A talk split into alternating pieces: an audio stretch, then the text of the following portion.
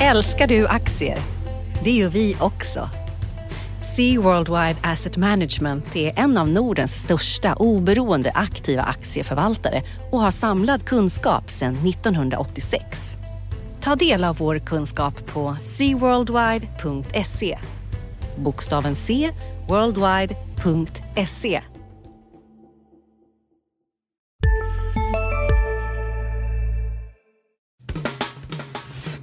Analyspodden från Dagens Industri. Hej och välkomna till Dagens Industris analyspodd. Idag är det jag, Rickard Bråse, och med mig har jag Magnus Dagel. Just det. Hur har veckan varit, Magnus? Det är mycket bra. Mycket bra. Har det varit fullt upp. Jag tänkte att det är ju första gången vi poddar tillsammans. Och eh, det låter ju nästan lite som Magnus och Brasse, eller hur? Ja, och lite, vi, är ju, vi är ju lite på, har ju varit lite på samma områden och är ju det ofta och tafsar lite på fastighetsbolag och lite substanssaker och så. Så vi får, se, vi får se om vi kan hålla isär varandra eller om vi kommer blanda ihop oss med Ja, varandra. det kanske blandar ihop oss. Vad ska vi prata om idag då? Det känns som det är full, fullspäckad vecka igen här. Jag har ju skrivit om en artikel idag om midcap-bolagen och eh, skrev lite om Tesla också. Du har skrivit om Bilia, ett annat midcap-bolag. Stämman i Fingerprint har du bevakat va? Så är det. Och sen ska vi prata lite om rapporterna nästa vecka som sprutar in fullständigt. Ska vi börja med Fingerprintstämman som du var på under torsdagen? Det kan vi göra. Stä- Stämmor kan ju vara en ganska tålamodsprövande tillställning och eh, det var den här kan jag säga. Mycket frågor var befogade och eh, eh, bolaget har haft en ganska ett besvärligt år bakom sig men det, var ju, fanns, det finns ju hela tiden det här lilla pajaselementet också som när man gnäller på att kursutvecklingen skulle vara medias fel och och det kulminerar lite när man begärde votering om ett förslag om att avnotera bolaget och notera det på en börs där då eh, man föreställde sig att värderingen skulle vara mer eh, välvillig till bolaget. Men, eh, och, och, men jag tror att det var, var en bra tillställning för de som var där för styrelse och vd har ju fått mycket kritik eh, eftersom det har gått dåligt. Men de, eh, så som jag ser det kan man nog inte önska sig mer professionella och erfarna personer till det här bolaget än ordföranden Bärevi och vd Mm. Du, tycker, du tycker att vdn gör i grunden ett bra jobb nu då, eller?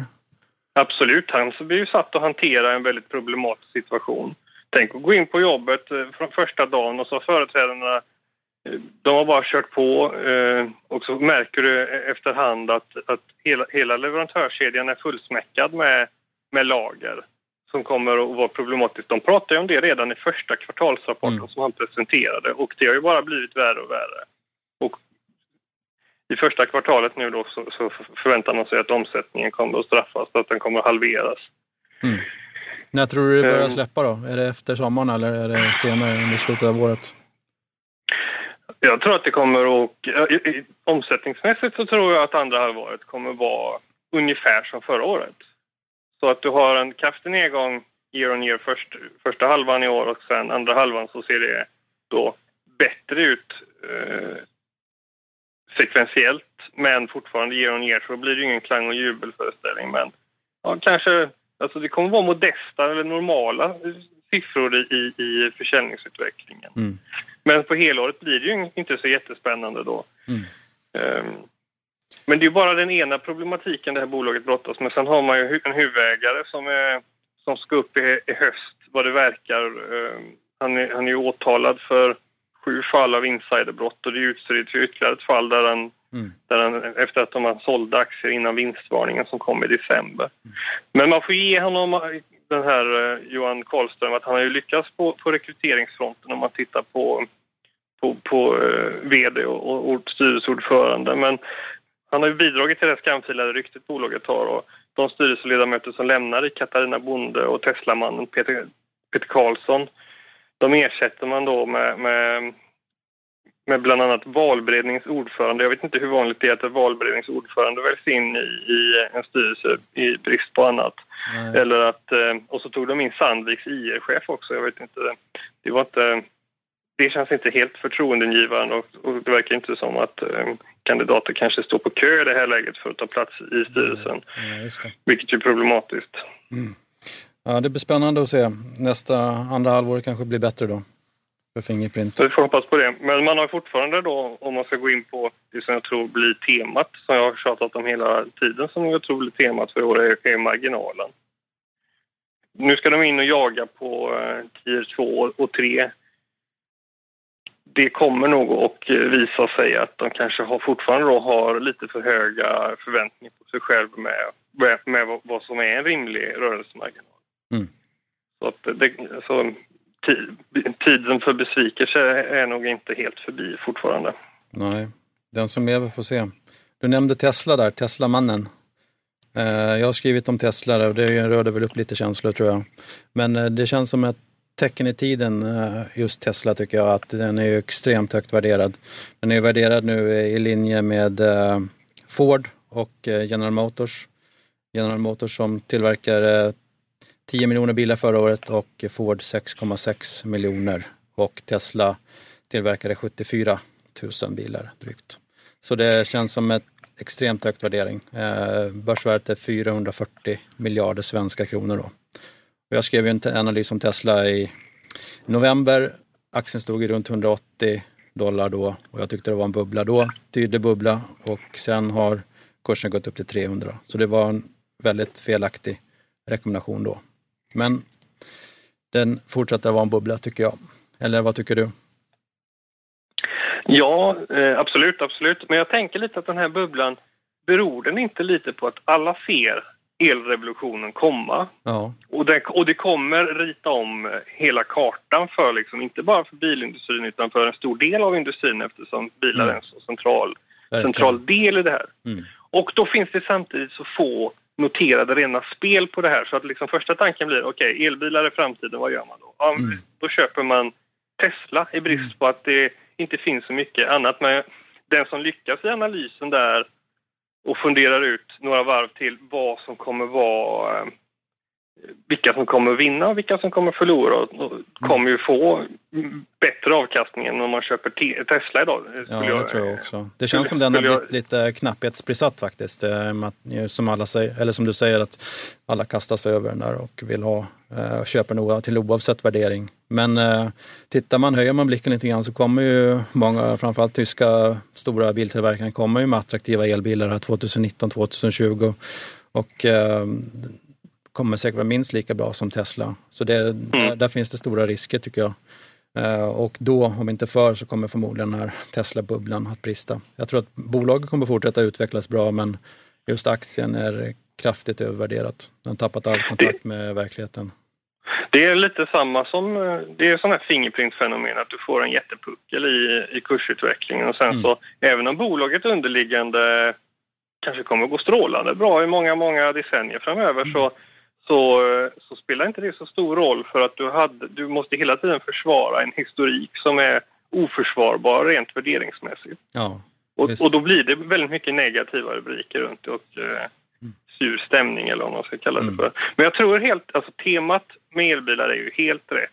Ja, verkligen. Men, men, men vilka, och där vet jag inte riktigt om jag har så mycket att bidra med i nuläget, vilka som är, kommer vara de här mindre uppenbara vinnarna. Jag läste i det är ju årsredovisningsläsartider nu, vilket är en högtidsstund tycker jag på året. Jag läste, jag tror det var Bulten som skrev i sin årsredovisning om hur mycket mer fästelement det krävs i en elbil än i en vanlig bil till exempel. Ja, just det. Så kan du vaska fram de där mindre uppenbara vinnarna på transformationen så kommer du nog mm. kunna göra fina pengar. Och omvänt då, om mm. vi tittar på, på tematiskt på vilka som kan förlora på den här mm. omställningen. Mm. Garu är ju en sån som gynnas av just med elladdarna till, till, till elbilarna som har gynnats av det. Men där har ju kursen gått upp något oerhört de senaste året här. Mm, jag ska akta mig för att säga för mycket om det, men är det inte också en sån här för uppenbar kandidat som mm, gör att, att det blir en allmän tillströmning för att man liksom ser att aha, här har vi en vinnare och så blir det lite first level thinking över det hela. Ja, så kan det vara. Det kanske är så att om det är den traditionella biltillverkaren som eh, Mercedes-Benz och BMW kanske som gynnas ändå i slutändan när de kommer ut med attraktiva elbilar som alla har råd med. Vet inte. Mm. Men, eh, jag, gillar ju ofta, jag, jag, gillar ju ofta, som du vet, att leta lite mera... Jag har ju mitt pessimistiskt sinnelag. Just det. Så jag var ju och sonderade lite och det handlar inte bara om den här omställningen utan det handlar ju mer om att vad jag tror att konjunkturen är på väg och jag tror att och vad, vad man kan tolka in i liksom amerikansk bilstatistik senaste tiden och att eh, om man då ser USA som något föregångsland så tror jag att Bilia ser ut som en eh, kandidat med fallhöjd om man säger så. Och den skrev du om veckans aktie i tisdags var det va? Ja precis, vi har ju alltid veckans aktie på måndagar men nu hade vi ju påsken här så då kördes den i tisdagens tidning. Men den, är... den, ser ju inte så högt värderad ut tycker jag när jag gjorde min ranking här. Det är väl runt P tal på 12 men du tycker fortfarande att den är säljvärd? Absolut, ja, det beror... 12 låter lågt. Ja, det kanske var blickar ett år framåt. För att när jag skrev den så var P-talet, om man tillbakablickande tror jag var 17 ja. eller 15 eller något sånt där. Tittar man på stora amerikanska dealerships så, så ligger P-talet alltid runt 9-10 det är där som Bilia låg förra om åren också. Så ja. de, dels har du en sån eh, värdering. Jag faktiskt att det, jag sammanställde sektorn, sektorns värdering nu här när jag gjorde Tesla-analysen här. Så mm. P-tal på 7 ligger i snitt då. Mm. Ja, det, om man tittar på de, jag tror Autonation är den största, för mig att de låg runt, runt 10 Just det, det, det, det var ganska... tillverkarna jag tittar på alltså. Ja, men för det är ju en industri då, om man pratar tillverkare, det är ju en av de här riktigt, riktigt, riktigt låg P-talsindustrierna. Det är väl de och flygbolag som, mm, som är, har, har låga P-tal nu för närvarande.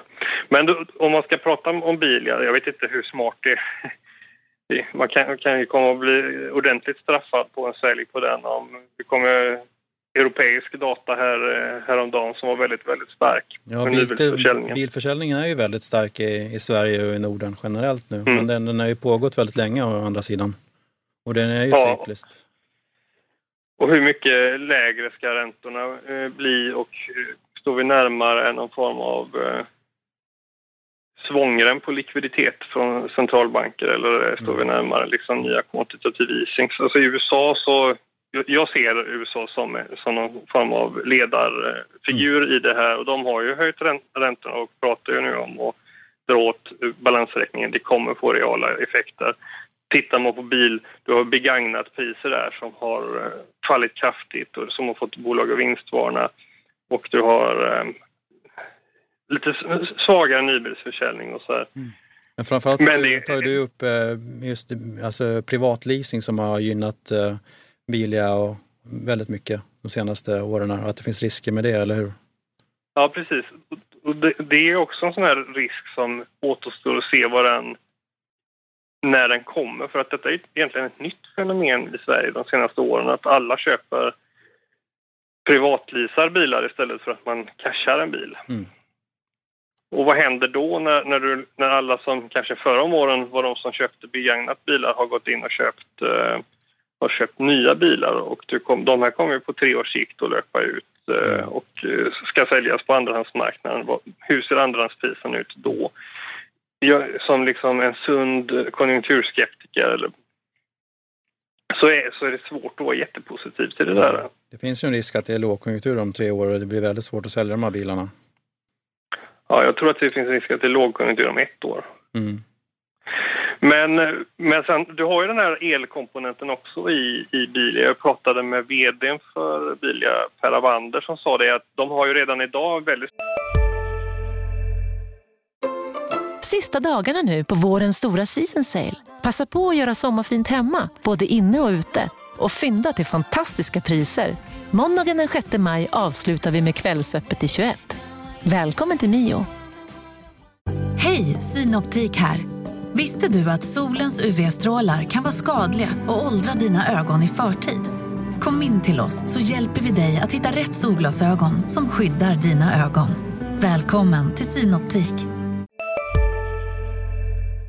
Stor, stor andel av försäljningen i Norge är ju, är ju mm. hybrider och elbilar. Och pratar man rena elbilar så måste de sälja tre elbilar för att täcka upp för, för servicen av en dieselbil. Mm. Och, det, och det är ju på, på servicen som de tjänar pengarna. Så, mm. Ehm, så där finns också en omställning, men den kommer inte, det är ju ingenting som kommer komma imorgon utan den är mm. också lite på sikt. Och historiskt har de ju varit duktiga bilar då på, på att um, hantera minskat servicebehov på bilar som har varit en trend eh, de senaste 20 åren. Mm. Men på sikt så kommer du rita om kartan för, för hela just uh, Bilia-Mekonomen, tror jag. Men mm. jag såg på till exempel elbilen Chevrolet Volt, jag tror första serviceintervall var efter 17 000 mil, så det, det kommer ju påverka service, uh, ja, serviceverkstäder och liknande. Det kommer rita om kartan kraftigt på sikt. Det kommer ju vara en väldigt lång svans givetvis av traditionella bilar men förmodligen kommer det påverka efter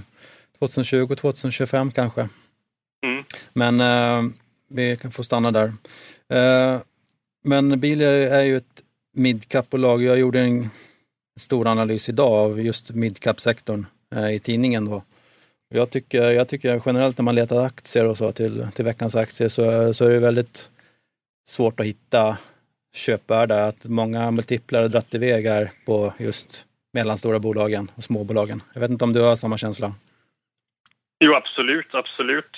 Jag, har, jag är ju lite av en sån här eh, midcap eh, fetischist eller vad man ska ja. kalla det för. Och, eh, i grunden väldigt, väldigt, jag är väldigt svag för sådana här namn som Concentric eller System Air och sådana. Men ja. System Air är väl inte tillhör inte de billigaste bolagen på börsen idag om man, eh, om man säger så. Nej. Men det, det var i alla fall grunden till den analysen jag gjorde idag. Då. Jag sammanställde alla midcap-bolag och det var väl 83 stycken kvar när jag rensat ut där, där det inte fanns prognoser och liknande. Och jag säger att två tredjedelar av hela det populationen handlas med ett p-tal över 15. Så det är eh, ganska höga värderingar generellt då, tycker jag. Eh, på just midcap-segmentet. Jag, jag tror det, det är lite samma syndrom som vi pratade med just Tesla där att eh, låga räntor, hög riskaptit Eh, har just dragit upp värderingar på många av de här bolagen och det är ju ofta kvalitetsbolag där som växer med goda marginaler, verkar på en internationell marknad. Och det har ju påverkat aktierna givetvis. Och eh, jag menar, kurserna för midcap-segmentet har ju gått upp 200 procent de senaste fem åren och jämfört med storbolagsindex som är upp 80 drygt med utdelningar. Då. Så de har ju dratt iväg kraftigt. Så det blir svårare att hitta aktier generellt där, tycker jag. Även om det finns en del som jag flaggar för. Du vaskar fram några stycken där. Ja, precis. Och de som är lågt värderade, de, de är ju ofta lågt värderade av en orsak. Till exempel nischbankerna då, där, där oroar man sig för nya regleringar. Ett par råvarubolag, fastighets och byggrelaterade bolag brukar ju vara lågt värderade.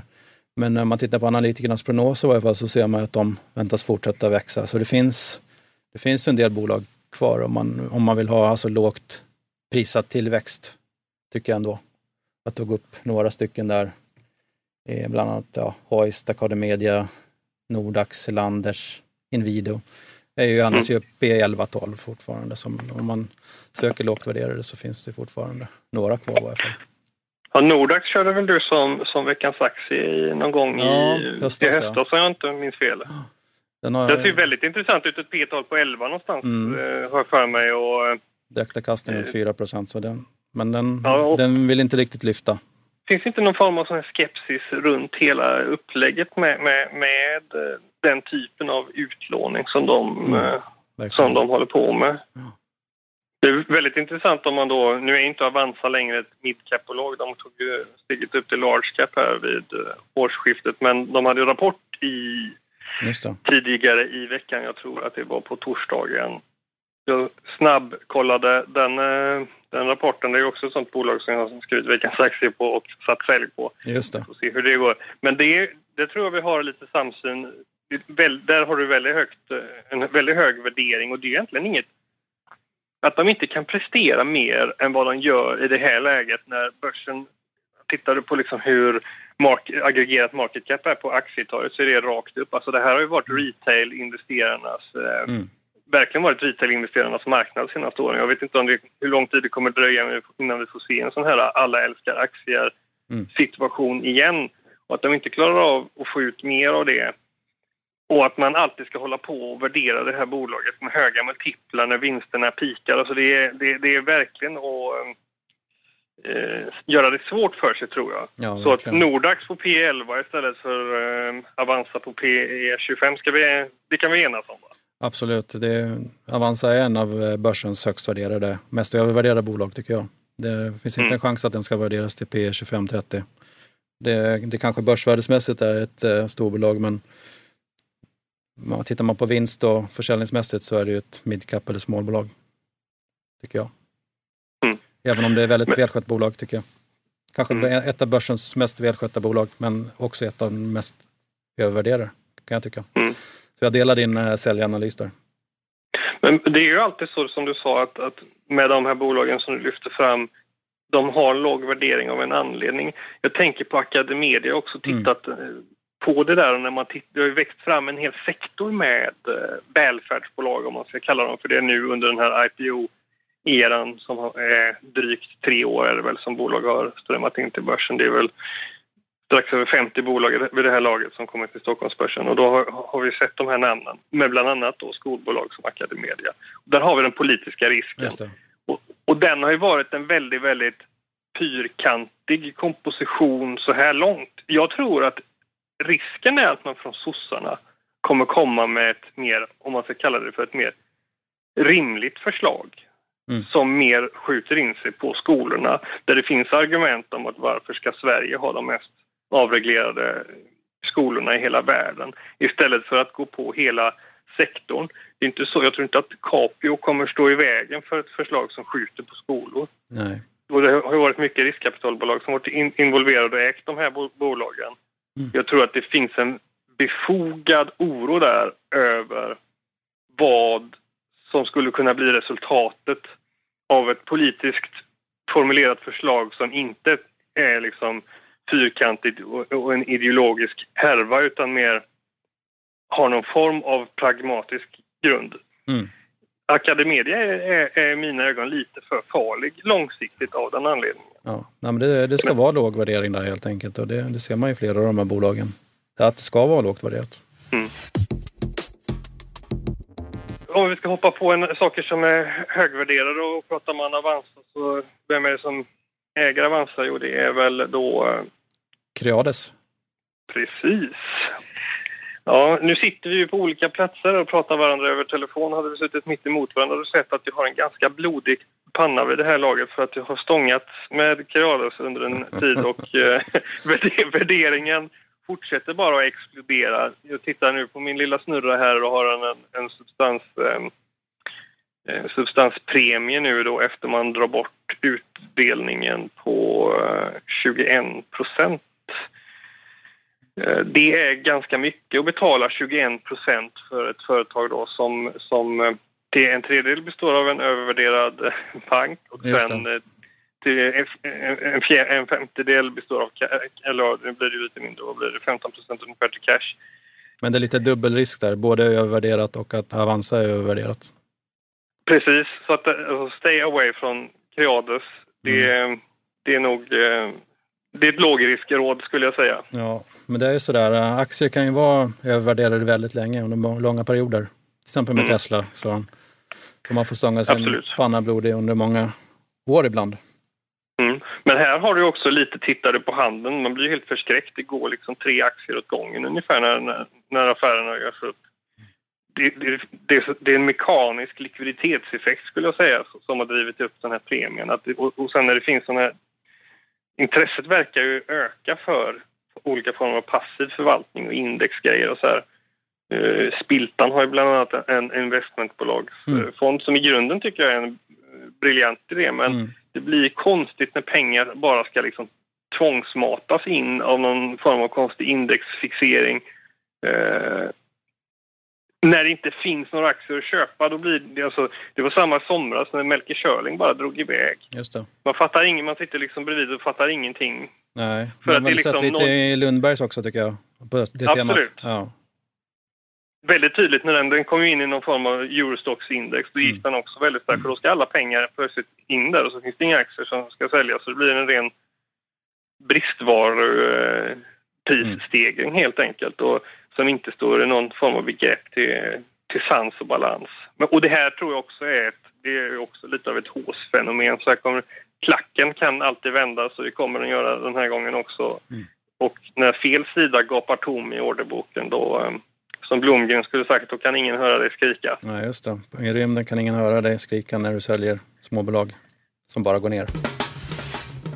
Nästa vecka då, massor med rapporter. Det känns som de bolagen klumpar ihop alla rapporter till en vecka numera. Tycker jag, min känsla. Och nästa vecka kommer bland annat Volvo, Ericsson, Sandvik, flera fastighetsbolag kommer. Massor med bolag. Det blir, blir rätt spännande tycker jag.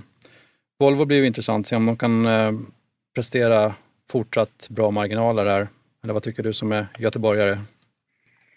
Ja, eh, vår stjärnreporter Anders Hägerstrand har väl satt sin heder och ära på att det ska komma en stark rapporter så allting Mm. annat skulle väl vara ytterst förvånande.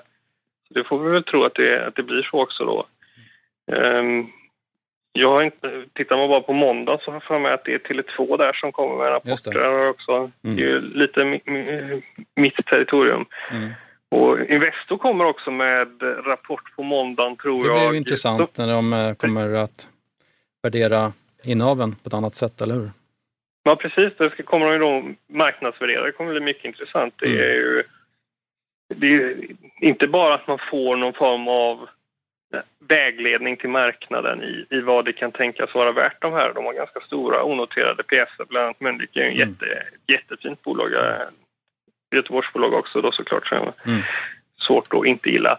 Men ehm, dels Mm. är det intressant i sig men också är det ett intressant steg för Investor att ta som, som liksom alltid har släpat på någon form av nonchalant ehm, förhållande till aktiemarknaden i övrigt.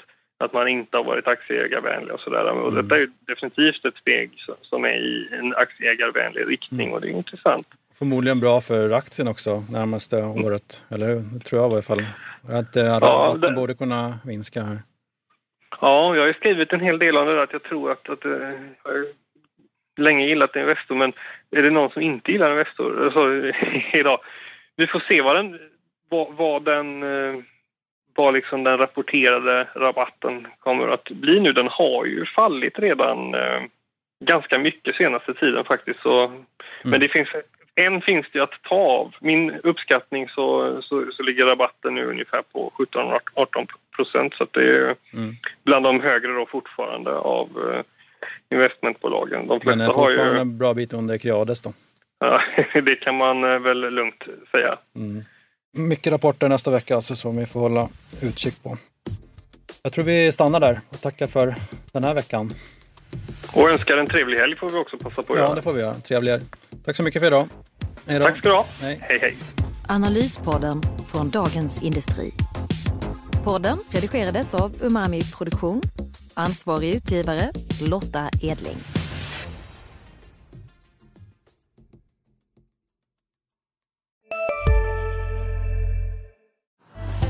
Älskar du aktier? Det gör vi också. Sea Worldwide Asset Management är en av Nordens största oberoende aktiva aktieförvaltare och har samlad kunskap sedan 1986.